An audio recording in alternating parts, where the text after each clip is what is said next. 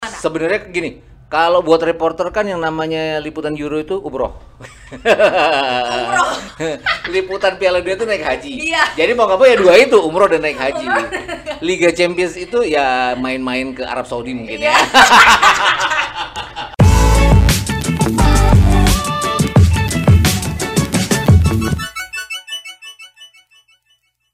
semuanya? Semoga selalu baik-baik aja ya.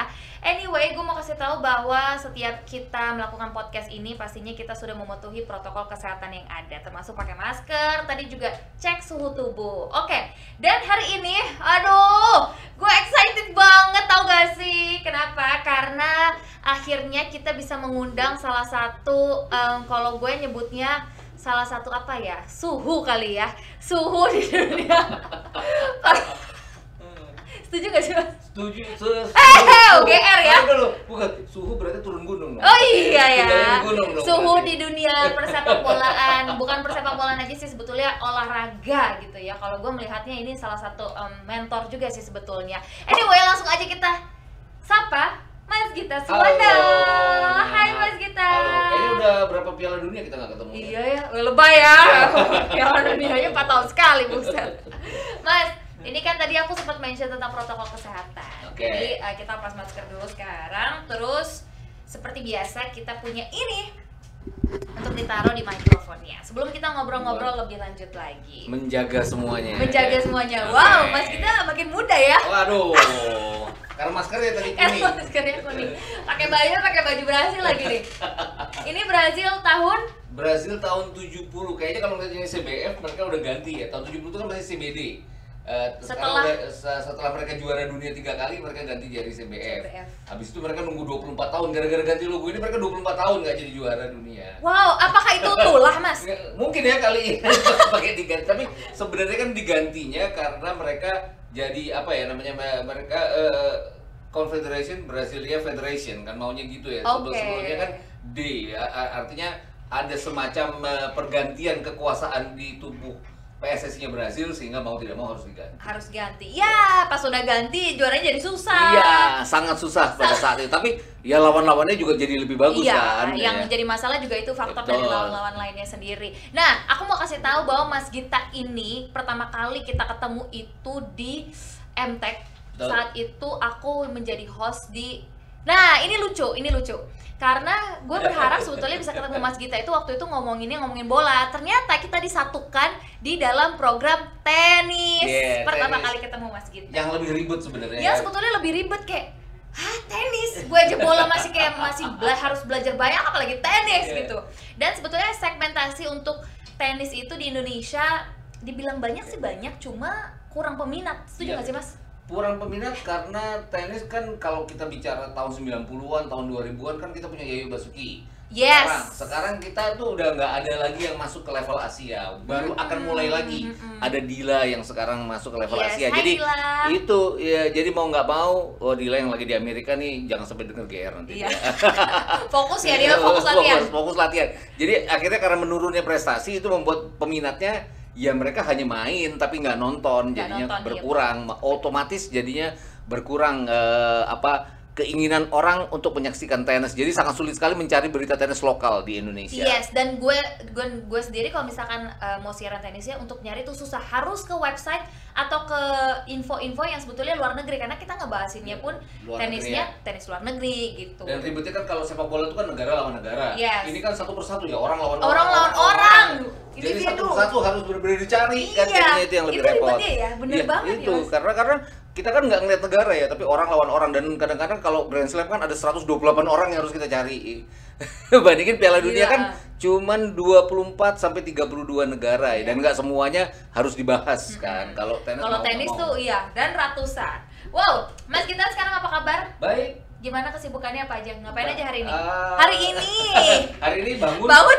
Karena Bintaro macet jadi buru-buru sini.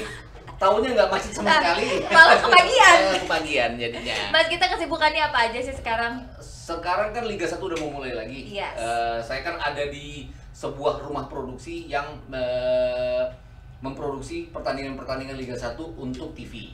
Oh, Jadi kan sekarang zaman sekarang kan TV udah nggak turun lagi krunya, yang Mhm. turun adalah rumah produksi. Nah, Liga 1 dalam 10 bulan setahun itu di cover oleh uh, sebuah tim pro- rumah produksi yang Mhm. biasanya kita tuh punya empat tim yang bergerak seluruh uh, penjuru Indonesia lah, Ada Yes. sampai ke Jayapura, sampai Makassar, kemudian ada yang Palembang, Medan. Tapi kan kalau tahun ini dan tahun lalu itu kan sudah mengerucut hanya ada di Jawa ya. Mhm. Kita udah mulai dengan kemarin Piala Menpora. Kemudian nanti ada Piala Wali Kota Solo ini tanggal 21 sampai 26 Juni. Oke. Itu sem- semuanya semuanya kita cover. Dan ini ya mau nggak mau ya ya semua tim bergerak. Itu yang membuat kita jadi agak sibuk. Sibuknya tuh kan kalau kita bicara sepak bola Indonesia kan kadang-kadang dadakan ya. Uh, Hmm, tiba-tiba pertandingan- ada piala ini, tiba-tiba ada ada piala ini. Itu. Pertandingan tanggal 21 kita baru bersiap-siap sekarang. Kan kalau yang lain-lain udah persiapannya dari Yes. bulan dua bulan sebelumnya. tapi ini ya karena ya ini jadi piala ini jadi ini jadi ini jadi. Kayak piala Menpora aja. Ini jadi. Kita persiapannya hanya seminggu. Tapi memang timnya Oh. sudah ada. Dan timnya karena satu tahun itu kemarin nggak produksi apa-apa jadi dalam tanda kutip gatel. Iya, ayo ayo project nih, ada ada project ada nih. project ada project. Langsung harus jalan dan bersiap sedia semuanya jalan. Oke, nah di situ Mas Gita ngapain? Komentator juga enggak. atau? Enggak. Saya lebih di belakang layar lebih di itu. belakang? Kembali lagi di kembali belakang lagi layar. di belakang layar seperti waktu pertama-tama masuk TV tahun 95-an itu kan saya masuk TV ada di belakang layar nggak langsung. Kan kalau masuk dunia TV kan kita dari scriptwriter dulu kemudian dari reporter dulu. Mas iya. Gita melalui semua itu? iya dari scriptwriter dulu. Jadi datang-datang tuh udah suruh nulis naskah aja. Boleh on screen nggak diketawain sama yang ini? Siapa lo mau on screen nih? Sedih banget, gile. tapi kan emang cita-citanya pengen on screen. Ya namanya namanya Iya, semua orang pengen masuk TV, pengen. karena karena tahu ya, punya ngerasa punya kemampuan. Tapi ya eh, dua tahun itu harus on screen dulu kalau saya sih beruntung hanya enam bulan eh, nulis naskah nulis naskah terus ada atasan saya nggak eh, keluar dari RCTI saat itu Oke. eh, cerita nggak apa-apa nih cerita Nggak apa-apa. ya keluar dari RCTI tahun itu eh, Desember 95 dia keluar dari RCTI Oke. 96 Juni itu kan ada Euro 96 96 euro. Wow, gila. Terus? gue belum lahir. Masa? Aku juga belum lahir sih Eh, jadi. itu angan-angan ya. Ada. Jadi Januari itu tiba-tiba dipanggil Januari akhir paspor mana? Ini mana? Mau dimasukin ke tim yang berangkat ke Euro 96. Kaget Wah, itu. serius. Kaget. Seneng gak tapi? Seneng, tapi panik. Pulang ke rumah tuh bukannya berdoa, gimana caranya, tapi bingung nanti ngapain ya, nanti ngapain, nanti ngapain. Karena bener-bener belum tahu ya. Tapi apa yang Mas kita bingungin saat itu? Karena uh, dengar-dengar cerita lah dari senior-senior yang udah pernah pergi ke event-event besar bahwa ya nggak gampang wawancara pemain, nggak gampang dapat materi karena apa? Ya, kita memang dapat akreditasi, tapi nggak semua pemain kan seperti pemain Indonesia yang willingly diwawancara oleh kita. Yes, kita tuh termasuk atlet-atlet kita tuh termasuk Ya, sangat baik ya, karena maksudnya. mereka kenal sama kita ya. Oh iya, Jadi benar satu mau- negara. Eh, satu negara dan dan karena itu terus eh, jadinya ada yang nakut-nakutin.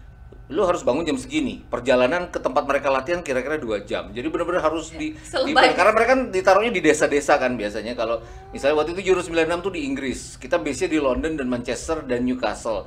Tapi mereka kan eh, markasnya tuh ada di desa-desa sekitar memang nggak macet ke sana. Cuman kan alasan apa ditaruhnya di karena desa? mereka harus nyari tempat yang sepi, yang jauh dari gangguan supaya lebih fokus latihan juga Iya, kali ya. Fokus latihan dan mereka benar-benar jauh dari gangguan fans, jauh dari gangguan media. Jadi media tuh hanya datang ke sana pada saat mereka bikin konferensi pers atau mereka bikin open training buat media. Dan itu open training itu juga sesuatu yang baru buat saya. Maksudnya kenapa? Kalau di sini kan kita tinggal bilang kapan lu latihan, kita mau wawancara, Kita datang, ya. Walaupun mereka nggak latihan, mereka keluar hotel kan para Iya, pemain iya, itu iya, kan. Kalau di sana kan ya tunggu open training baru kita bisa datang Jadi sebetulnya kesempatannya kecil untuk para tim media ya. Ya, dan waktu itu kan saya juga baru tahu bahwa dalam latihan mereka dua jam, mereka hanya buka eh, buat media itu 15 menit.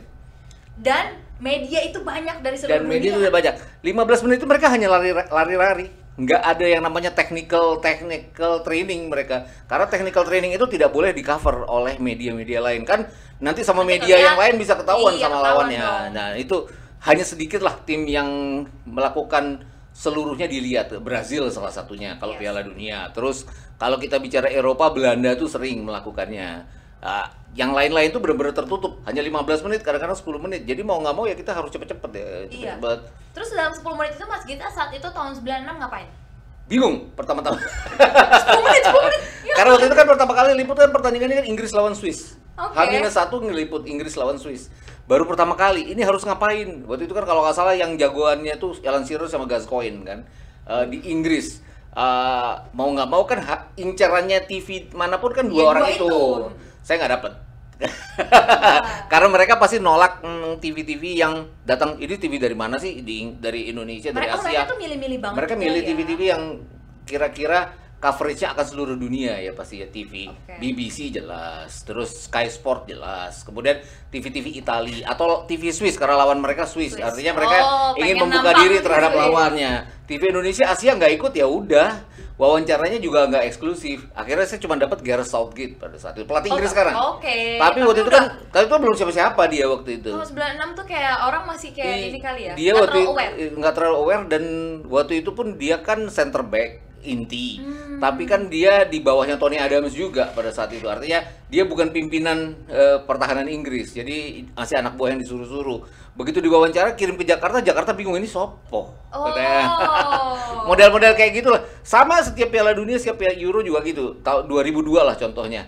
Yang saya dapat tuh bukan Ronaldo. Kalau ngeliput Brasil bukan Ronaldo, bukan Rivaldo. Dapat mereka dapat tapi nggak eksklusif. Jadi rame-rame kan. Oh, oke. Yang dapat itu ya kakak. Kakak itu sih 20 tahun belum kakak yang Belum jadi kakak yang jagoan.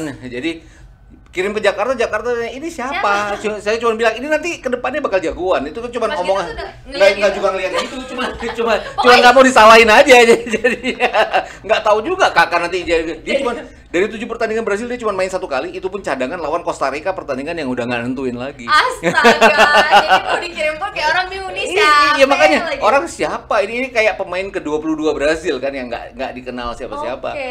Jadi mau nggak mau, tapi terus waktu kakak jadi hebat tuh kan, waktu Tuh itu gue kan. Wawancara dia. baru deh sombong, baru bakal Baru sombong. sombong. Padahal wawancaranya nggak ada hubungan sama dia jagoan.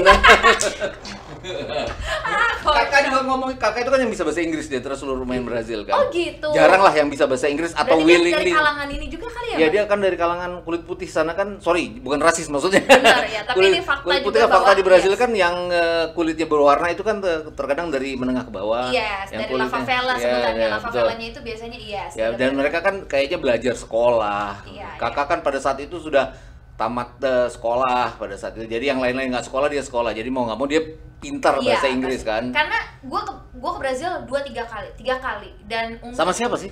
Kenapa sih? Mas Gita ini posesif ya? Jadi ke sana tiga kali emang susah banget. Justru gue lebih kayak ngelihat terakhir aku ke Labuan Bajo, sombong ya, iteman ya gue. Tanning, Labuan Bajo. Ngeliat orang di situ em, ngejelasin ke para bule-bule, kok fasih banget bahasa Inggrisnya. Kita tuh masih lebih jago, terutama di tempat-tempat yang sebetulnya banyak turisnya. Iya, betul. Di sana gue ke Brazil ke tempat yang orang banyak turisnya pun susah untuk orang. Brazil bisa bahasa Inggris gitu loh jadi kayak ya untungnya gue jalan sama orang yang Brazil jadi paham bahasa sana kalau enggak ya rumit Repot ya, repot bahasa Karena mereka kalaupun mengerti bahasa Inggris juga nolak ya kadang-kadang. iya ngomong. mereka lebih pengen ngomong bahasa, Bahasa- mereka ya, betul, sedangkan bahasa ya jadinya ibunya. gitu deh ada beberapa negara yang lebih proud dengan bahasanya mereka Iya, sendiri betul, betul. gitu mas tapi tuh Kenapa aku bilang tadi suhu di awal dan mentor? Gue tuh ngeliat Mas Gita waktu awal-awal siaran sama Mas Gita. Kalau misalkan ke TV lain lagi casting atau misalkan lagi ngobrol, terus kayak oh lagi program sama siapa? Sama ini. Oh sama Mas Gita dong. Kayak semua orang yang memang berkecimpung di dunia olahraga. Eh tarikin dong kayaknya dia mulai terbang deh. Two shot aja jangan one shot. One shot kesannya eksklusif Oh, oh, ya. betul. Terus habis itu gue ngerasa kalau misalkan udah mention nama Mas Gita Suwondo, orang tuh akan langsung oh Mas Gita atau kayak oh sama Mas Gita ya, oh sama Mas Gita ya. Like everybody knows you. Waduh. Kenapa? Lo tau nggak alasannya apa Mas? Apa? Enggak, aku nanya Mas Gita. Mungkin karena waktu saya saya pernah di belakang layar Nah, di ini yang RCTI. seru, yes. Belakang RCTI layar di RCTI lama, Mas? 14 tahun. 14 tahun itu kan gabungan antara di belakang layar sama di depan layar.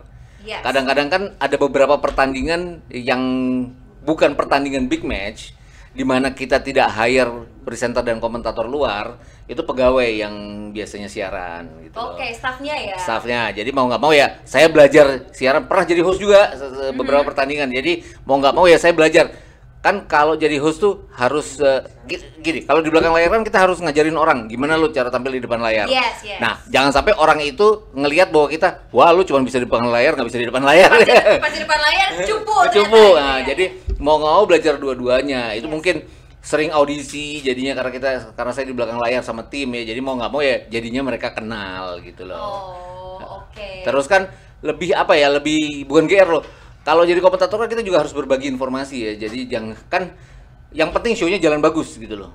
Artinya kalau misalnya ada hostnya nanya, ini sejak latar belakangnya gimana ya, kita harus kasih tahu dong, jangan kita ya keep sendiri, terus ujung-ujungnya kita yang ngomong, dia nggak ngomong ya, jadi kan jadi agak berantakan gitu. Yes. Jadi mau nggak mau, mungkin itu ya yang bikin Akhirnya jadi orang kenal, iya gitu. gitu. Tapi ja karena ya udah lama juga mas. Ya, jadi lebih karena 14 tahun di belakang layar RCTI ya mau nggak mau jadinya orang kenal banyak yes. gitu. Di RCTI itu apa mas? Se uh, produser senior? Mm, terakhir produser senior saat itu. Awalnya dari, dari 95 dari scriptwriter, terus pulang dari Euro itu Euro tuh dadakan jadi reporter mm -hmm. Euro 96 setelah enam bulan. Biasanya orang dua tahun kan baru dikirim. Saya itu termasuk yang ya laki ya. gitu loh. Ya, gue laki banget lah pokoknya. Kenapa? Karena makanya kebun jeruk itu nggak terlupakan. Jadi kalau uh, ditanya kebun jeruk itu apa ya kayak nostalgia masa SMA jadinya. Ya. Belasan tahun ya, belas, di situ. Belasan tahun di situ belajar di situ. situ. Dan waktu itu kan gampang banget ya. Artinya ya pergi itu gampang kenapa? Karena jarang sekali orang yang jadi reporter saat itu. Reporter sport loh. Jarang-jarang banget pada mm -hmm. saat itu. Jadi mau nggak mau ya memudahkan siapa pun pergi saya itu nggak pergi cuma tahun 98 pada saat Krismon. Jadi RCTI seminggu sebelum berangkat ke Piala Dunia 98 memutuskan tidak pergi orang karena dolar kan bumbung dari yeah, yeah, parah. 2000, 6000, 8000. Terus waktu itu bosku cuma bilang kalau 15000 kita nggak berangkat sama sekali ya. Itu yeah. tiap hari ngeliatin tuh lima belas ribu sampai lima belas ribu langsung aduh nggak berangkat sedih banget sedih banget karena banyak media lain yang berangkat antv berangkat saat itu kompas berangkat Masa? biarpun ya. lagi Krisma tetap mereka berangkat uh, beberapa pertandingan aja kita sama sekali oh. memutuskan nggak berangkat sama sekali Padahal jadi kita gede, mas. iya sampai kita dan kita yang punya hak siar juga iya. saat itu ya dan kita benar-benar hanya meliput di Jakarta meliput di Jakarta aja. Ya, jadi bukan kita dapat fit dari sana, ya, terus ya, ya. Uh, koresponden dari sana, yang orang sana ya, mm -hmm. terus ya kita tayangin. Tapi kan ya jadinya nggak punya pengalaman di sana gitu loh. Terus habis 98, 2000 itu awalnya Euro, terus Euro 2, Piala Dunia 2002, yes. Euro 2004 sampai Asian Games 2006, sampai ter, Asian Games 2002 juga, terus sampai Euro 2008 seharusnya berangkat. Itu lagi seminggu sebelum berangkat, anak saya sakit pneumonia saat itu. Dulu itu kan pneumonia itu adalah penyebab kematian nomor dua setelah jantung. Kalau jantung tuh orang tua, pneumonia itu anak kecil biasanya. Dokter tuh langsung bilang, Pak, sebaiknya jangan pergi ya. Kalau ada apa-apa nanti nyesel. Nyesel, iya. Udah, mutusin nggak pergi. Heboh tuh waktu itu. Akhirnya digantiin orang kan. Uh, terus ya heboh. Waktu mereka udah pergi tuh, waktu mereka laporan dari sana kayak bengong. Ih, gue nggak pergi. Tapi kan pilihan ya pilihan, namanya. Betul. Dan mau anak mau. gitu. Dan anak ya, dan anak satu-satunya sampai hmm. sekarang. Jadi mau nggak mau ya harus diperjuangkan. Bener. Artinya kan suatu saat akan pergi lagi walaupun suatu saat itu nggak balik. Iya. Ya. Nggak oh. pernah pergi-pergi liputan lagi. Udah jadi, itu terakhir. Ternyata. Itu terakhir di 2004 jadi eh 2006 jadinya 2006. Asian Games tapi ke terus habis itu nggak pernah lagi liputan-liputan lain. Seru nggak sih Mas liputan-liputan ke luar negeri gitu? Seru, kan tapi ya. sampai kapan pun walaupun kita udah punya pengalaman kita hanya bisa ngakalin. Artinya gini, kan kalau liputan itu kita biasanya dapat observer tiket buat nonton dapat uh, make zone tiket buat wawancara pemain setelah latihan eh setelah pertandingan uh-huh, selesai. uh-huh. atau kita dapat make zone latihan eh latihan H-1 tapi karena kita dari TV yang negaranya tidak lolos kadang-kadang pertandingan big match itu kita nggak dapet. Jadi benar-benar harus oh. mohon. Mohon mohon terus nelpon tiap saat sama media official mereka bisa nggak bisa nggak bisa nggak.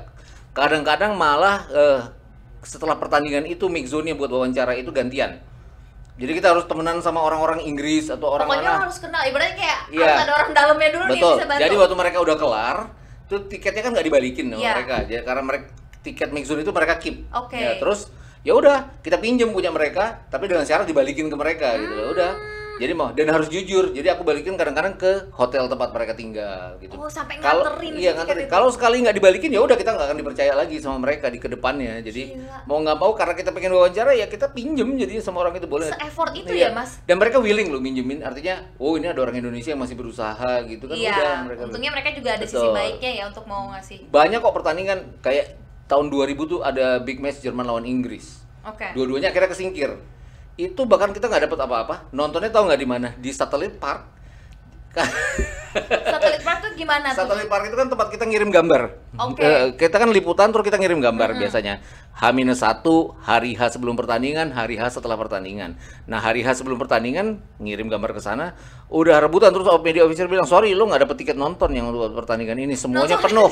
Udah kita nongkrong di Satellite Park dengan TV yang monitor mereka kecil banget Ya gitu. ampun. Eh, TV-nya VAR itu loh kalau sekarang VAR Oke, itu kan ada oke. kan. Itu kan kecil banget ya buat ukuran orang Indonesia yang biasa dimanja di rumah. Iyalah, nontonnya layar tancepan. dan nggak gerak-gerak TV satelit park itu kan tergantung kadang-kadang Ya. eh, akhirnya ya mau nggak mau nonton waktu itu nontonnya bareng Kusna ini kenal Kus kalau kenal Bungkus, Kusna Bungkus yes. dia sampai bilang gila ya kita jauh-jauh ke Inggris nontonnya cuma tempat begini Iya deh. tau gitu mendingan gue beli apa bawa TV sendiri deh. dan big match gitu Iya. ya dan tapi eh, balik-balik Oh, lagi kan harus grateful ya terhadap Iya, apa pun iya benar, benar. Waktu pertandingan kelar, Jermannya kalah, itu supporternya ribut sama supporter Inggris di depan kita, jadi gampang ngeliputnya. Wah, enak tuh, ini iya, gitu enak tuh Iya, jadi ya, jadi gampang. Ya blessing in disguise lah, kita ada di sini nggak harus nunggu-nunggu lagi. Iya bener-bener gitu. Mas tapi berarti itu udah banyak banget yang Mas kita udah laluin ya Iya. Udah banyak negara juga yang dikunjungin Kurang lebih untuk liputan berapa negara?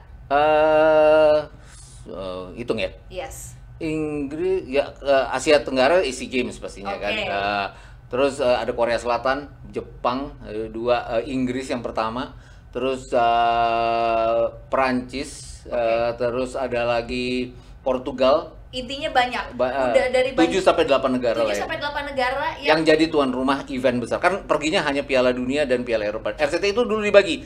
Ada yang liput Piala Eropa dan Piala Dunia, ada Hmm. yang liput Liga Champions. Itu unlucky-nya jadinya karena udah ke Piala Eropa dan Piala Dunia, yang pergi ke Liga Champions orang lain. Jadi Oh, saya nggak pernah.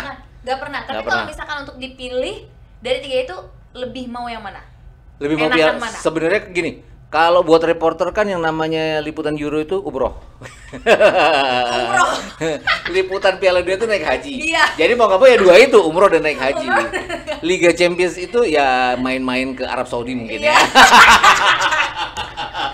Main-main doang kan Tapi kagak umroh Tapi sebenarnya sebenarnya gini, karena Piala Dunia dan Piala Eropa itu banyak banget yang liput, Yes. otomatis kita tuh nggak dapat privilege yang bener-bener harus berjuang. Oke Kalau Liga Champions teman-teman saya yang udah ngeliput Liga Champions itu kita benar-benar dapat privilege. Setiap kali pertandingan H-1 itu makan di ruang VIP mereka. Wah jadi plus minus lah ya Iya, kalau kalau kenal sama Kesit Budi Handoyo, Yes. pernah tuh dia dapat tiket dari RCTI.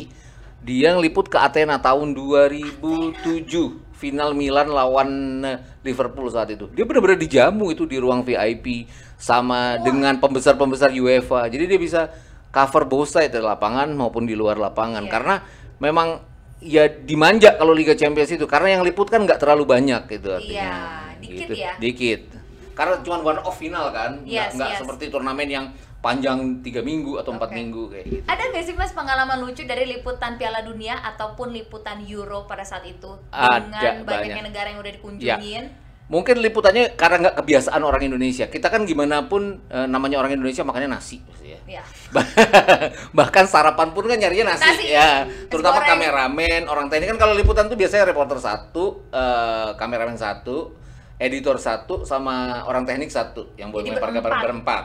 Terus ada driver kita berlima. Oke. Terus waktu itu liputan Itu sorry, driver ini dari Indonesia? Enggak? Enggak, dari sana, dari sana. Oke. Kadang-kadang orang lokal, kadang-kadang orang Indonesia yang kita. Kebanyakan kita nyari orang Indonesia. Iya. Mahasiswa yang Oh, yang sekolah lagi di sekolah di sana. sana. Waktu Euro 2000, mahasiswanya kita cuma dapat satu. Si mahasiswa itu punya om, udah tua banget. Iya, waktu itu umurnya udah 50. Eh, Wih. Tapi dia tahu segala macam tentang Belgia dan Belanda. Jadi mau nggak mau kita hire dia. Iya. Walaupun dengan kelambatan-kelambatannya. Pak Saleh saya masih ingat tuh namanya. Oh, yang jadi driver sih omnya itu justru. Iya, jadi jadi driver kita selama selama tiga minggu di Belgia itu driver. Ada satu hari kita harus liputan Jerman. Kita tinggalnya di Brussels, Jerman itu di kalau nggak salah di Antwerp ya. Eh, jadi ada jarak lah. Dan kita harus berangkat pagi-pagi. Kenapa? Karena liputan Jerman itu jam 8. Oke. Kita sampai sana jam 7. Ini yang namanya Pak Saleh orang tua, kameramen saya juga orang Indonesia, tekniknya orang Indonesia, termasuk aku kan orang Indonesia. gitu Iya. kan. Pengennya nyari nasi Mhm. sama Bu- Bung Wesley waktu itu. Tambahan Oke. dia, dia ikut dari bola waktu itu. Sampai di sana yang disediain oleh orang Jerman itu bukan nasi, Tapi bukan juga hotdog atau isinya daging, es krim. Buat pagi-pagi. krim Karena itu musim panas, itu musim panas. Ya tapi nggak es krim juga kali sarapan ya lo. Itu musim panas yang buat orang Jerman itu sangat panas. Jadi mau nggak mau mereka ada roti-roti kecil yang ya roti-roti yang nggak iya, iya. mengenyangkan gitulah. Dan es krim dengan es krimnya ditaruh di roti itu, buat mereka itu makanan musim panas. Buat kita musim panasnya mereka 10 derajat itu dingin tuh namanya. Iya tetap ada angin-angin ya. Ah, tetap ada angin-angin. Jadi sampai kita bengong dan itu kan lama liputan Ah. press conference dan latihan mereka dua jam Sedih di, perut ya. di desa yang nggak ada restoran buka eh, pada saat itu karena itu bukan weekend mereka kan buka pagi kalau weekend kalau Oke. kalau weekdays mereka bukanya rada siangan ya udahlah kita nunggu dua jam sampai jam 10 jam 11 baru kita cari makan itu bayangin orang Indonesia ditaruh es krim pagi-pagi di bisa sih, gue juga gak bisa sih Karena juga anak nasi banget nih Kalau misalkan gak makan nasi gak makan akhirnya besok-besoknya adalah kalau ada liputan pagi kita harus cari makan dulu Bawa ya bekal. bawa bekal. Kalau nggak bawa bekal ya udah makan duluan. Aduh kocak banget. Tapi itulah salah satunya adalah kalau di Indonesia mungkin makanan ya Iya, yang paling itu itu kendala makanan. Orang kita itu kadang-kadang overweight gara-gara bawa beras bawa mie indomie. Iya, bener. kan? Betul karena kadang-kadang saya nggak ngerti. Masa pengen bawa rice cooker kok mas? iya betul. Karena kenapa? Karena susahnya nyari di sana. Iya. bahkan kalau kita masuk ke fast food aja kan di sini kan dibanyak dengan nasi fast food itu Iya kan benar, di sana nggak ada loh. nggak ada Nggak ada. begitu cari fast food mereka ketawa "Uh, kita punyanya petat kita punyanya eh, potato Iya benar, iya gitu-gitu. beneran. Gue ke Brazil ke McD nggak ada, nyari ayam tuh diketawain. Gue Iya. nggak ada, gue nggak ada jual ayam. iya McD nggak ayam ya burger Iya. burger ayam Kentucky iya gitu iya, ya. kayak kita kan McD kan nasi pakai ayam, itu nggak sih kayak astaga. dan ayam bumbu Indonesia kan. Iya. Mereka kan bukan bumbu Indonesia dan sangat eh, hambar, Hambar, ya. iya. Aduh, beda lah sama anak micin ya. Iya. Mas Gita, Ya. aku tuh amazed banget sebetulnya sama Mas Gita. Tadi di awal gue sempat mention karena Mas Gita ini selain terkenal, sih selain terkenal, mungkin kan udah senior. Pak Jokowi Mas. kali terkenal. Jadi Mas Gita itu kalau misalkan di dunia olahraga gitu ya di Indonesia di stasiun TV itu beliau ini namanya kalau disebut kayak oh Mas Gita karena senior dan Mas Gita ini bukan cuma menguasai sepak bola doang. Selain itu apalagi Mas tenis sudah pasti. tenis. Aku sebenarnya cuma sepak bola dan tenis yang Tenis. pernah jadi komentator. Oke. Dulu waktu zamannya reporter kan segala macam harus kita liput. Tapi lebih karena tuntutan pekerjaan, Pekerjaan. job description. Eh, satu eh, pernah F1 aku ngeliput ke Sepang. Uh. Sepang pertama tahun 99 itu juga rada kaget, nggak pernah pegang di luar sepak bola dan tenis tiba-tiba eh F1. lu liputan F1 ya kenapa karena reporter yang berangkat lagi sakit pada saat Oh, itu yang harusnya berangkat backup ya? eh, jadi backup itu juga agak bingung kalau F1 kan benar-benar lebih ketat dari sepak bola ya. Jangankan mereka benar-benar terus kan kalau sepak bola itu kan ada semacam ini keharusan dari semua tim untuk wawancara dengan media. Oh. entah siapa pun. Kadang-kadang bukan pemain bintang tapi ada beberapa pemain yang dikirim lah untuk wawancara dengan media. Arti- artinya setiap tim itu pada press conference harus ada 2 sampai tiga pemain yang bersedia bercakap-cakap Oke. dengan media. Kalaupun kita dapat lebih ya karena keuntungan kita berani kalau F1 itu mereka bisa nolak gitu loh. Jadi artinya Uh, Michael Schumacher mana mau diwawancara Iya karena mereka nganggap bahwa ya lo ambil gambar gue aja. Oh, gua wawancara you have ya. wawancara you have to pay gitu loh. Kan nggak mungkin kita pay gitu loh jadinya. Iyalah, Iya. masa kita terus lagi? Ar- eh, terus mereka kan punya yang namanya pedok. Pedok itu nggak boleh kita masukin pasti. Pedok tuh apa? pedok tuh tempat eh, mobil-mobil itu di, di garasi Oh, mobil gitu kan. itu nggak boleh. nggak boleh kita Official masukin. dari mereka yang walaupun ya? kita punya ID card yang bisa masuk ke semua tempat itu tetap eh, bagian yang terlarang. Karena itu kan bagian yang berbahaya ya. Kadang-kadang kita nggak tahu ada mesin atau Oh ada iya, apa. Buat oke. buat keamanan kita juga. Jadi mereka itu ada mix zone di depan pedok. Dan itu mereka kadang-kadang seliweran dicegat juga nggak mau Sombong ya. tahun 99 itu yang lagi ngetop saat itu Michael Schumacher terus David Coulthard pada saat itu. Yang aku dapat itu hanya Ricardo Zonta. Coulthard dapat di hotel karena kenapa RCTI bekerja sama dengan media yang eh, membawa David Coulthard ke sana sehingga mau tidak mau Coulthard harus wawancara. Dan itu willing one to one kita wawancaranya. Tapi lebih karena perjanjian RCTI dengan sponsor. Aw, asing ngomong sama Mas Gita kayak gini, gue baru tahu ternyata being a reporter itu sulit, Sulit. ya, apalagi dengan eh, background negara kita Iya ya. betul karena negara kita kan waktu itu belum ada pembalap F1 yang datang eh, yang Ya. datang dari negara kita kan. Paling pada saat itu kita punya pembalap-pembalap eh, Ananda Mikola yang tidak pernah ikut. Ananda Mikola ikut pada saat tahun 99 itu. Ada di dalam Ada. rombongannya RCTI. Ya tapi dia hanya benar-benar sebagai wartawan juga jadinya. Oh, Itu pun dia ngobrol dengan pembalap-pembalap itu, ngobrol as friend. Begitu dia kita Meliput, kasih mic, nggak akan mau dianya. Oh, Iya. Dan Ananda Mikola juga tahu bahwa nggak boleh gue melakukan ini. Kenapa? Karena ya perjanjian di antara mereka ya. Iya, Karena- iya. Walaupun perjanjian tidak tertulis juga Iya, ya, tidak ya. tertulis. Tapi kan dia tidak akan melangkahi itu jadinya. Jadi Iya, kalau iya. kita, eh lo wawancari dong. nggak bakal mau dia jadinya mau nggak mau ya harus kita yang berusaha itu tadi makanya dapetnya cuman Ricardo Zonta di mix zone di depan pedok Wah seru banget. Tapi dari semua olahraga yang Mas kita udah berkecimpung, olahraga apa yang paling dicintai? sepak bola sih masih ya Sepak bola. Kenapa? dari kecil emang tuh sukanya sepak bola Turunan gak sih Mas kayak dari Hmm, ayah ah, mungkin? kakekku, eh, yang kakungku yang ngajarin sepak bola. Jadi dia yang bawa aku ke stadion-stadion. Dulu kan ada stadion Persija di Menteng itu. Kalau lagi liburan, aku kan tinggalnya dulu di Palembang. Itu tahun berapa Mas? Tahun, aduh, usia nih berarti ya.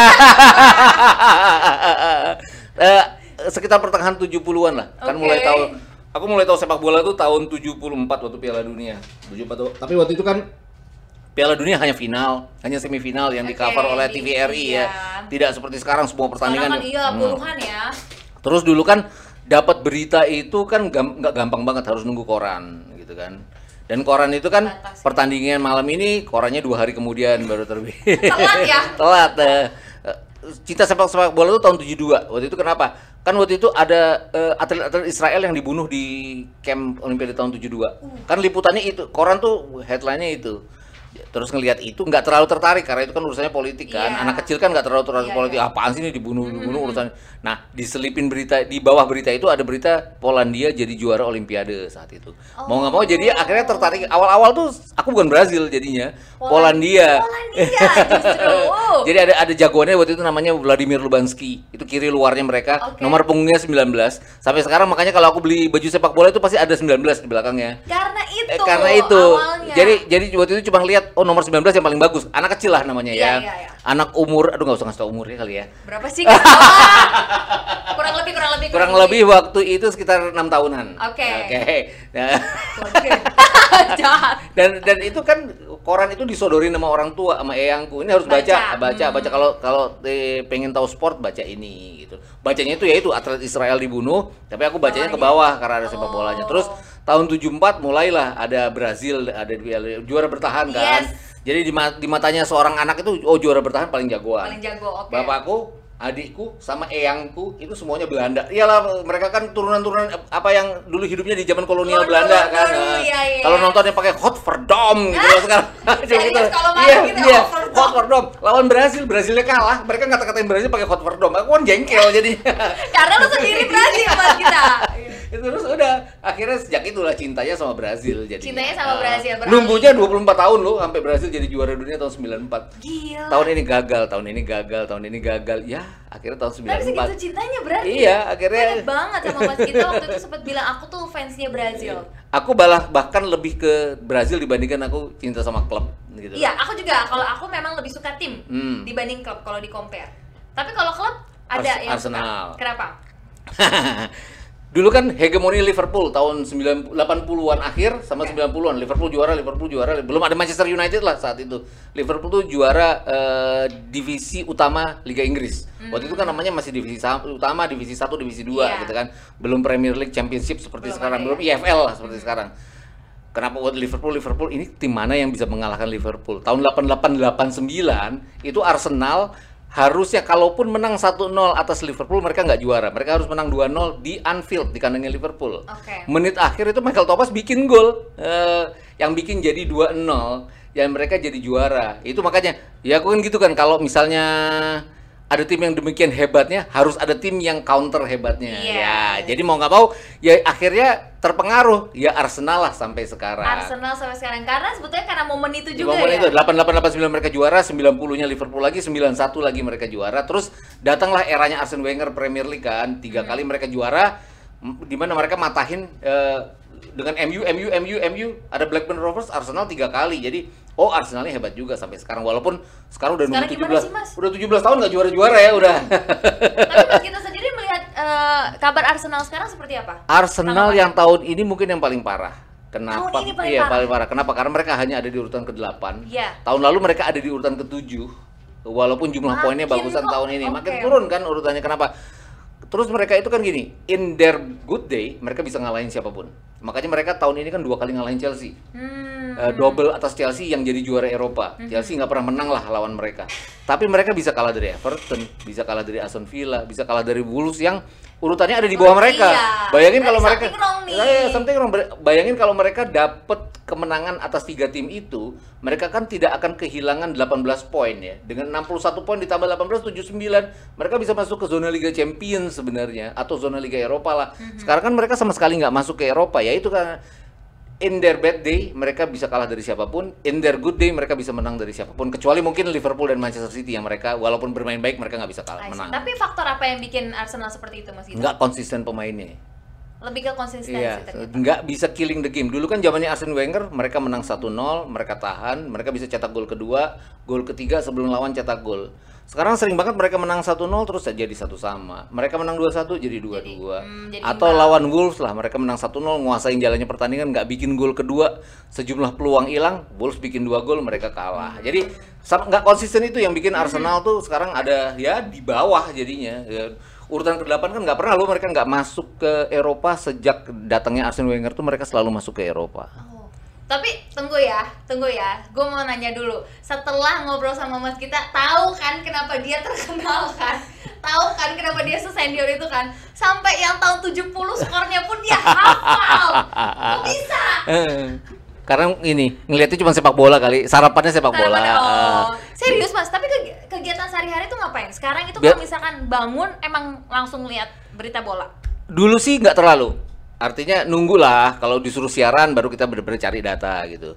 Sekarang tuh kan sejak tahun berapa? Sejak 2014 lah. Oke. Aku punya anak yang saat itu berusia 9 tahun, itu mulai suka sepak bola. Wah. Awalnya nggak nganggep lah, gua lah biarin aja lah, nggak pernah encourage juga dia bahwa dia suatu hari akan demikian tahu sepak bola.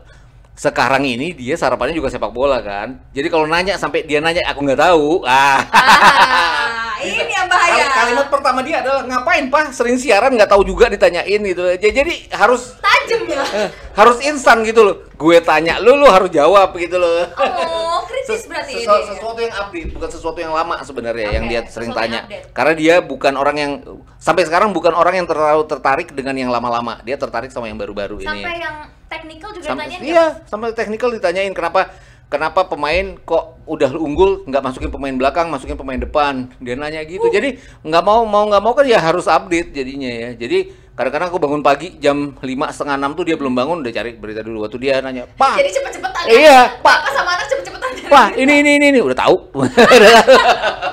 Kadang-kadang dia yang tahu duluan. Kalau weekend dia yang tahu duluan karena dia Oh. karena dia bangun pagi kan, udah langsung cari. langsung ah, cari. kan sekarang informasi gampang banget Iya, didapetin kan ya, sekarang Mas. kan memudahkan banget ya. Iya, nggak kayak Mas gitu waktu dulu Iya. yeah. dua hari baru betul.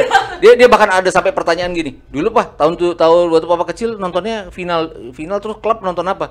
Nggak ada pertandingan live klub kan. Hmm. Masa nggak ada pertandingan? Waduh, untung kamu nggak hidup, hidup di zaman itu kata dia.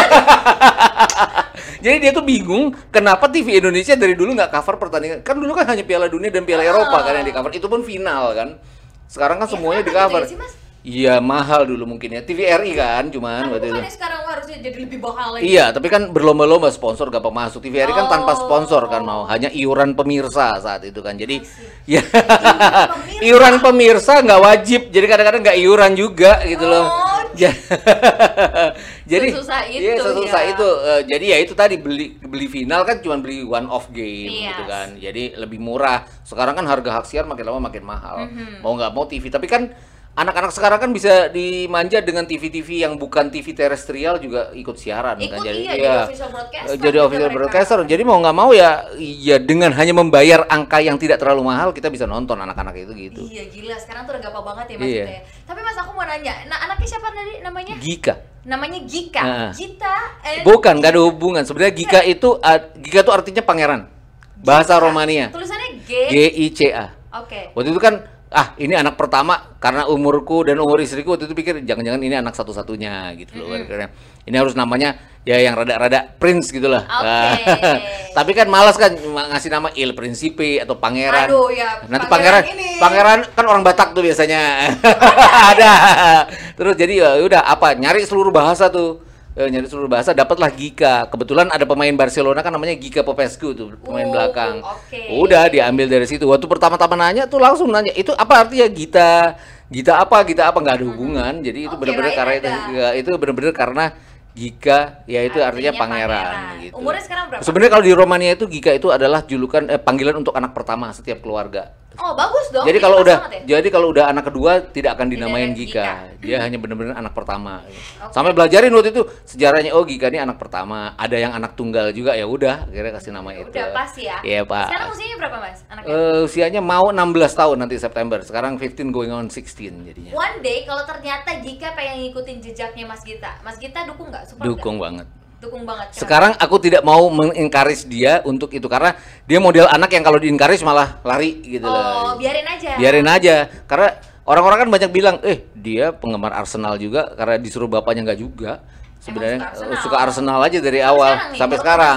Kalau tim nasional dia sukanya Belanda malah. Bertentangan lah sama Wah. bapaknya. Yang hot for Dome itu mudah-mudahan nggak diikutin sama dia. Jangan ikutin jangan, ya. jangan ikutin kakeknya sama buyutnya pokoknya hot for dome. Eh, Tapi kan dia ini zaman anak-anak yang udah nggak kenal tuh arti kata hot for dome itu udah. Iya, itu sudah wah udah lampau ya, Iya, sudah udah lampau. Tapi berarti Mas Gita sempat ngajarin nggak? Atau dia memang berkembang dengan sendirinya akhirnya tahu mendalam tentang sepak bola? berkembang dengan sendirinya. Hanya cuman dia pengen suka nanya zaman dulu tuh Hmm. gimana sepak bola, zaman dulu tuh gimana. Udah. Dia juga yang itu yang kadang-kadang Asian Games kan aku tugas. Mm-mm. Tiba-tiba nelpon, "Pak, aku menonton pertandingan ini. Bola ini kan final. Aku lagi tugas di Senayan, pertandingan finalnya di Pakansari." Dan dia kan belum bisa nyupir ke arah Pakansari Iya. sendiri ya. Jadi udah mau nggak mau izin dari tugas ya kebetulan udah kelar tugasnya ya nemenin dia nonton. gitu. Aku pernah, aku ingat Mas Gita tuh pernah bilang waktu itu kalau misalkan Mas Gita nggak ngomong sesuatu pas lagi siaran, dia yang akan Iya, koreksi Mas betul, Gita. betul, betul. Dan sekarang tuh eh, dia akan ngoreksi dengan, "Pah, kenapa tadi nggak ngomongin ini?" Padahal kalau di siaran kan ya ada batas Ada di mana kita waktu, iya. kita nggak bisa ngomong panjang lebar Dan ya. kan interaksinya Iya. Kadang-kadang kan si presenternya juga ada eh, diem loh. Iya. Karena presenter kan dibisikin kan. Iya, Gitu bener-bener. kan. Gitu-gitu yang dia dia belum mengerti lah itu karena dia walaupun sering kok ajak ke studio TV ya dia menganggap bahwa semua tuh harus diomongin. Nah, Oh. Nanti one day kan dia pasti tahu Wah, bahwa one day dia kalau jadi komentatornya bakal sedetail itu berarti. pengen ya. bikin sih tapi dia belum mau pengen bikin sih vlog antar bapak dan Coba anak gitu dong, ya itu pengen keren banget loh bikin pengen vlog, Euro ini ya sebenarnya yang ininya ya Yes, ini adalah event yang bagus Iya. untuk di ngomongin sekarang. apalagi kan dia udah ngata-ngatain Copa Amerika tuh Copa Amerika katanya mau diboykot Brazil sendiri mau boykot nah jadi udah udah Udah, mengarah ke situ udah ada nih. jadi kita bisa main ledek-ledekan lah gitu Iya, gitu Mas Gita kalau misalkan kita flashback lagi tentang Mas Gita ini udah banyak banget liputan ke luar negeri, pastinya banyak juga ketemu dengan pemain-pemain sepak bola yang banyak. Nah, mana yang menurut Mas Gita waktu ketemu dia atau misalkan ngelihat dia itu paling wow, ini beruntung banget gue bisa ngeliat dia. mungkin karena aku Arsenal dari tahun 90-an Hmm. sebenarnya Brazil ya karena Brazil itu kan Seluruh gini, pemain. seluruh pemain tuh kadang-kadang bisa kita wawancara karena mereka willingly walaupun tidak bisa bahasa Inggris artinya Hmm. mereka datengin dengan bahasa Portugisnya mereka nanya yang kira-kira artinya lu mau ngapain sih gitu Iya, Ya, oke. j- jadi aku nanya bahasa Inggris dia jawab bahasa Portugis nanti kita tinggal terjemahin lah Hmm. gitu tapi yang paling benar-benar berkesan adalah Freddie Ljungberg dan Dennis Bergkamp Wow. Dennis Bergkamp tuh tahun 96. Dia waktu itu ak- kan kita dari Jakarta mendarat di Schiphol sebelum terbang ke Inggris lagi kan. Di Schiphol tuh pemain-pemain Belanda barengan eh, lagi mau take off ke Inggris juga. Jadi ngeliat mereka? Ya, mer- mer- lihat mereka satu-satu. Waktu itu ada Patrick Clifford di Schipholnya itu ya sekeliling. Mereka kan nunggu per- nunggu pesawat. Iya. Kita juga nunggu di yang wing yang yang kurang lebih Lagi sebelahan gitu kan. ya, sebenarnya. Mereka nggak mau diwawancara. Jadi aku ambil kamera, ya mereka nggak mau diwawancara. Tapi Dennis Bergkamp datengin.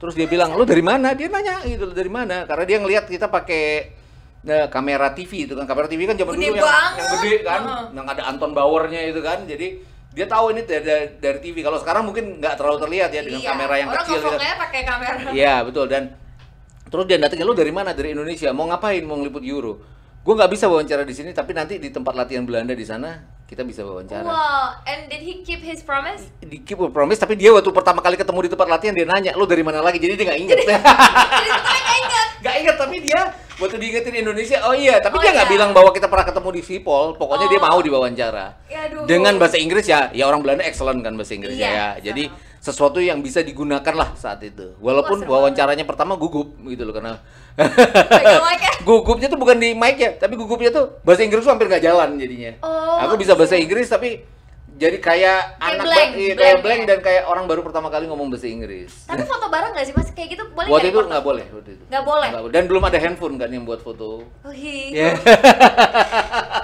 itu nggak boleh. Baru Lupa boleh. generasi Baru saya. boleh itu sebenarnya di tahun 2002 Piala Dunia udah boleh. Jadi aku banyaknya itu tahun Kalau 96 tuh fotonya sama orang-orang yang disewa oleh RCTI kayak Kevin Keegan gitu kan. Oh, Kita dise- emang- disewa khusus. Hmm. Jadi dia willingly ngasih Oke. kaos, tanda tangan dan segala macam. Oke. Gitu. Mas, kalau disuruh pilih jadi produser, komentator, atau presenter host, lebih suka mana? Jadi gimana?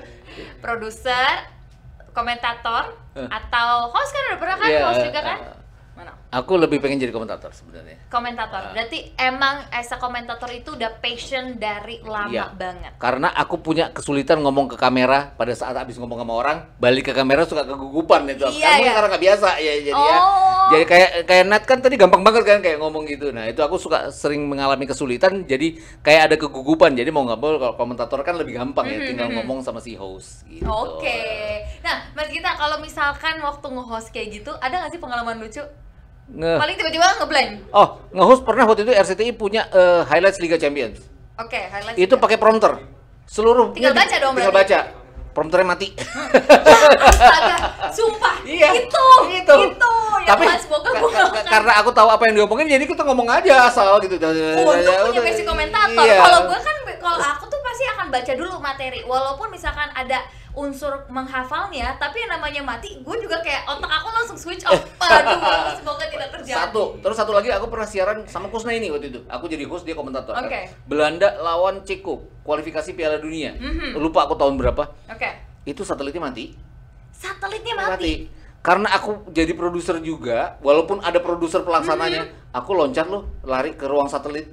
Padahal as a host nggak boleh. Serius. Jadi itu siapa yang di depan situ? ya udah nyari terus baru nunggu aku baru masuk lagi kan Jiwa kan, produsernya. kan kalau kalau itu mati kan otomatis iklan yang masuk Iya, kan iya. atau promo yang Oke. masuk kan jadi ya suasana studio kan tidak akan ada tapi ujung-ujungnya harus nunggu aku datang lagi baru Iya bener, bener, bener. Padahal host ya harusnya di situ. iya sampai produser pelaksananya Eh, Nat mungkin tau lah orangnya Yoyon itu Oke, eh, waktu itu Pak dia Yoyon. eh lu tuh di sini aja ini urusan gue katanya Eh berarti Pak Yoyo tuh udah lama juga Udah berarti lama. ya? Dia, dia dia dulu pernah jadi asistenku terus kita sama-sama jadi produser gitu loh. Oh. Nah pada saat aku jadi host nggak bisa jadi produser kan dia yang menjadi produsernya. Oke. Itu lagi dia marah itu dia berhak marah kan. Dia lah, si produser. iya. Lu tuh di sini aja gue yang urusan ke belakang. Dan jauh loh itu tempat satelit sama. Waduh, ya udah refleks ya itu. Iya udah refleks itu. Lupa kalau itu pakai baju biru waktu itu. Mas, tapi seru gak sih waktu kerja di TV seru gak? Seru. RCTI. banyak. Serunya itu ketemu jodohnya di sana itu serunya. Ketemu jodoh di situ. Iya. Wadaw. Eh, dia aku dulu reporter waktu awal-awal dia itu editor. Editor Oh, kan jadi setiap materi yang udah selesai dia ya dan itu berantem.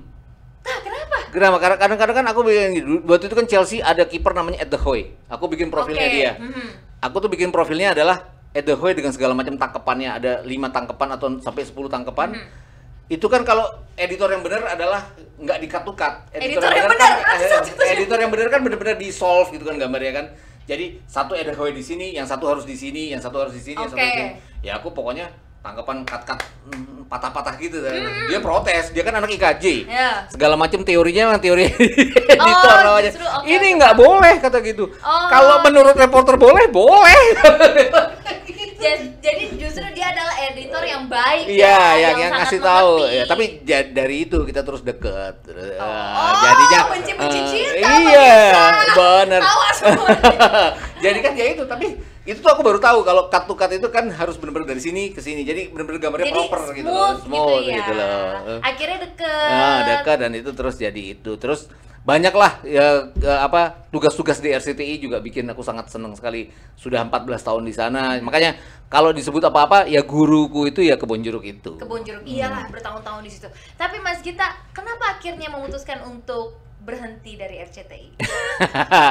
Waktu itu 2009 Mhm. kan boleh umur 40 tahun itu boleh ambil pensiun dini. Oke. Kayak di RCTI ada peraturan seperti itulah. Ambil pensiun dini kenapa? Karena karena aku kan sekolahnya dulu geologi. Sebelum masuk ke TV itu aku eh, Iya loh, suka- aku tahu Mas Gita geologi. Geologi Trisakti. Agak nyasar ya. Iya, aku sempat kerja di minyak sampai 2 tahun, terus perusahaannya tutup, terus ada tawaran Planet Football saat itu ya diambil karena emang doyannya sepak bola. Planet Football Antv. Ant enggak, Planet Football RCTI. RCTI, ya, ya, itu oke. itu magazine show pertama. Oke. Terus orang tua aku bingung saat itu karena bapakku kerja di minyak kan. Dia nggak bisa nolong lah kalau masuk ke TV, dia bisa nolong kalau masuk ke minyak. Iya Artinya benar. Keluar dari satu perusahaan minyak yang perusahaannya udah tutup, dia akan memudahkan dia masukin ke perusahaan lain Yes. karena udah ada kurikulum vitae-nya ya. Tapi waktu ditanya kenapa sih mau itu pengen liputan ke luar negeri gitu. Motivasi yang sungguh singkat ya. ta- tanpa berpikir gampang eh, aku udah tahu itu nggak gampang liputan ke luar negeri itu Iya. kan gantian gitu kan dan nggak mungkin cepat gitu tapi ya udah mau nggak terus akhirnya masuk ke dunia TV itu yang memudahkan aku terus dapat semuanya lah akhirnya nggak pengen balik lagi ke geologi jadi Oh, tapi memang berarti dari dulu pada saat udah masuk ke dunia sepak bola udah nemuin passionnya di situ. Iya, di kuliah pun geologi itu bukan sesuatu ya, geologi itu buat lulus dan buat kerja nantinya. iya. Tapi aku kayak gini lah, ada kuliah lapangan di Karangsambung itu di Jogja, di Kebumen. Kita bawa TV, karena waktu itu nggak ada TV di sana. Sampai bawa TV. Iya, ada Euro. kan. Iya, waktu Euro 88 kita Buset. sama teman-teman tuh bawa TV, nyalain TV di sana buat nonton pertandingan di mana besoknya kita harus kuliah lapangan. Jadi sambil ngantuk-ngantuk habis nonton pertandingan jam 4 tidur 2 jam, kuliah lapangan. Ya itu karena cinta banget sama yang Cinta namanya sama sepak, bola, gitu. Wow, keren banget. Tapi belum kejawab nih, kenapa Apa? akhirnya memutuskan untuk selesai dari RCTI. Oh ya tadi pertanyaan itu ya. Yes. Eh, ya itu tadi karena aku sekolahnya geologi terus ada tawaran bahwa pada saat itu Karangsambung itu Oh, tunggu, bikin sekolahnya justru setelah, Mas. Enggak, Gimana sih? kan sekolah Coba. geologi ta- tamat tahun 90-an, Oke. terus kerja di minyak 2 tahun, eh, mi- eh, gulung tikar perusahaannya, terus eh, udah itu masuk ke RCTI kan. Hmm. Tahun 2009 eh, boleh ambil pensiun dini, tapi lebih karena ada tawaran dari teman-teman geologi buat geowisata pada saat itu di Karangsambung. Oh, oke, paham-paham. Jadi pengen lah, pengen berubah lah ke sana. Hmm. Toh sama RCTI juga ditawarin lu jadi komentator ya habis keluar dari sini Oh, jadi gitu. setelah da- udah selesai dari RCTI justru masuk lagi tetap tapi as a komentator dan ada kerjaan itu tapi kerjaan itu hanya enam bulan nggak jalan perusahaan eh, geowisata itu belum jalan sekarang udah jalan loh geowisatanya teman-teman gue yang jalanin di Karangsambung itu Seru ada- dong, Mas. Itu seru ini? nggak udah lagi udah nggak lagi karena bener-bener ke- jadi komentator tuh ternyata mengasihkan juga ujung-ujungnya jadi udah lupa sama udah yang gitu iyalah udah passionnya pasti Terus masuk ke perusahaanku yang sekarang GTS itu. GTS. Nah, jadi mau nggak mau, ini ya. ya. jadi nggak mungkin kan membagi dua dengan Benar, harus benar, per- benar, pergi ke mana-mana. Mas nanti kan Yoro mau jalan nih Ya, coba dong kasih tahu gimana nih pandangan Mas Gita tentang Aduh, aku nggak siaran lo tapi nggak apa-apa ya. nggak apa-apa dong Ya. tapi kan pasti ngikutin Iya, ngikutin. yes. Eh, favorit utamanya sih tetap Perancis. tetap Perancis Ya. aduh aduh grup Q- grup F nih Emang apa Jerman ya? Jerman Eh, pasti tapi gini, kan ada fenomena urutan ketiga grup yang lolos itu sering membuat kejutan. gimana gimana Gini, nih nih penting tahun 2016 hmm Portugal itu kan lolos sebagai urutan ketiga. Oke. Kan gini, yang diambil itu kan juara dan runner up sama empat eh, urutan ketiga terbaik. yes Karena urutan ketiganya ada enam negara nanti, empat diambil kan yang terbaik. diambil. ya. Kalau ngelihat grup F itu, setim kayak Prancis, Portugal dan Jerman bisa dapat 5 poin. Draw di antara mereka dan menang lawan Hungaria. oke Jadi mau nggak mau 5 poin dan itu akan jadi urutan ketiga terbaik. Portugal kan tahun lalu 5 tahun lalu urutan ketiga terbaik terus jadi juara akhirnya. oke Ya. Jadi saya pikir masih ada kemungkinan. ada ada kesempatan Ada kan, Mas? kesempatan. Finalnya tuh aku sih memprediksikan Prancis lawan Jerman ya jadinya. wow Perancis sama Jerman Kalau mau prediksi buat har- kita. kalau mau harus cepet-cepet ngomong itu Prancis lawan Italia di semifinal, Ah. Jerman lawan Portugal nanti di semifinal lainnya. oke Nah, itu kan kalau udah semifinal 50-50 ya. Italia juga lagi kuat juga. Hmm. Perancis juga belum tentu gampang karena Italia kan 27 pertandingan nggak kalah.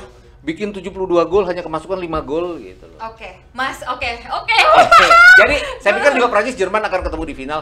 Prediksi juara nggak mau. Prediksi juara ya jangan deh, jangan ya. Prediksi juara biasa meleset nih. Ar- Artinya siapa pun bisa jadi juara kan kalau di Siapa pun final. bisa jadi itu ya. juara benar. Peluang dari timnya Mas Gita sendiri gimana nanti Prancis di Euro? Baik ya, karena mereka kan yang Tim eh, skuadnya Mas? Iya, mereka kan yang paling lengkap ya. Apalagi Benzema udah masuk lagi. Oke. Ya mau nggak mau, ya orang harus bilang Perancis. Ya itu tadi gangguannya mungkin di semifinal karena aku pikir juga Italia akan jadi juara grup. Kalau ngelihat undiannya pairingnya mereka akan ketemu di semifinal nantinya. Dan nggak gampang buat Perancis. Kenapa?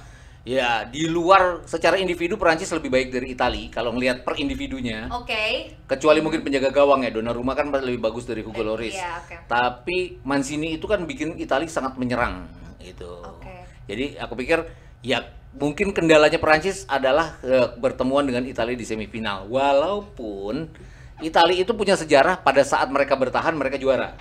Pada, Pada saat, saat mereka bertahan mereka justru juara. Pada saat mereka tidak diperhitungkan mereka juara. Wah, ini sekarang hati-hati nih, ya ini sekarang ya. kan mereka pernah sangat diperhitungkan tahun 90 nggak juara. Mereka sangat attacking football tahun Mm-hmm. 90 nggak juara. Sekarang kan mereka attacking banget gitu kan. Seperti melupakan pertahanan ya. Bisa nggak juara juga hitam gitu ya. ya? Cuman kuda hitam tapi nggak juara gitu loh. Ya Oh. bisa aja gugurnya di semifinal karena pengalaman Prancis kan udah main di semifinal dan timnya nggak banyak berubah ya. Kalaupun ada berubah, Blaise Matuidi diganti sama Kingsley Coman itu kan jauh lebih bagus Jauh ya. ya, perubahannya justru yang bikinnya Ya, jadi, jauh jadi lebih attacking. Jadi saya pikir ya masih Perancis ya lawan Jerman itu Prancis tadi. Ah, Ah, senang deh. Kok Jerman sih bisa? iya emang kenapa? Jerman kan ngalahin Brasil 7-1. Ya udah itu dia makanya. Terus yang di rumah kata dikata-katain dong. Untung kan nggak ada nih, nanti baru kalau misalkan Piala Dunia baru nanti cekcoknya di sana ya. kalau sekarang sih, aduh, udah dari Prancis nih yang paling bahaya. Tapi menurut Gika, anaknya Mas Gita, gimana dia ngeliat Euro nanti kali ini? Dia belakang Prancis. Prancis. Heeh. Tapi dia gini, di sama dengan aku, dia Gua Prancis. kecewa gitu kayak dia Prancis, terus dia bilang Jerman akan ada di urutan ketiga. Menurut dia Jerman justru ada, di urutan ketiga. Dan Jerman itu urutan ketiga itu yang dia takutin. Kenapa? Karena Jerman di 16 besar langsung ketemu Belanda yang jadi juara grup menurut dia. Yes. Dan juara grup itu eh, nggak yakin Belanda akan bisa menang dari Jerman, dia bilangnya gitu. Oke. Dia nggak bilang Jerman masuk final, Iya, iya, tapi tapi- dia Jerman akan mengalahkan Belanda. Oke. Dan eh, dia cuma bilang Perancis punya peluang jadi juara dengan Jerman mengalahkan Belanda di eh, perdelapan final. Oke. Mas Gita, justru ya, entah kenapa Euro kali ini aku lebih excited. Entah Kenapa?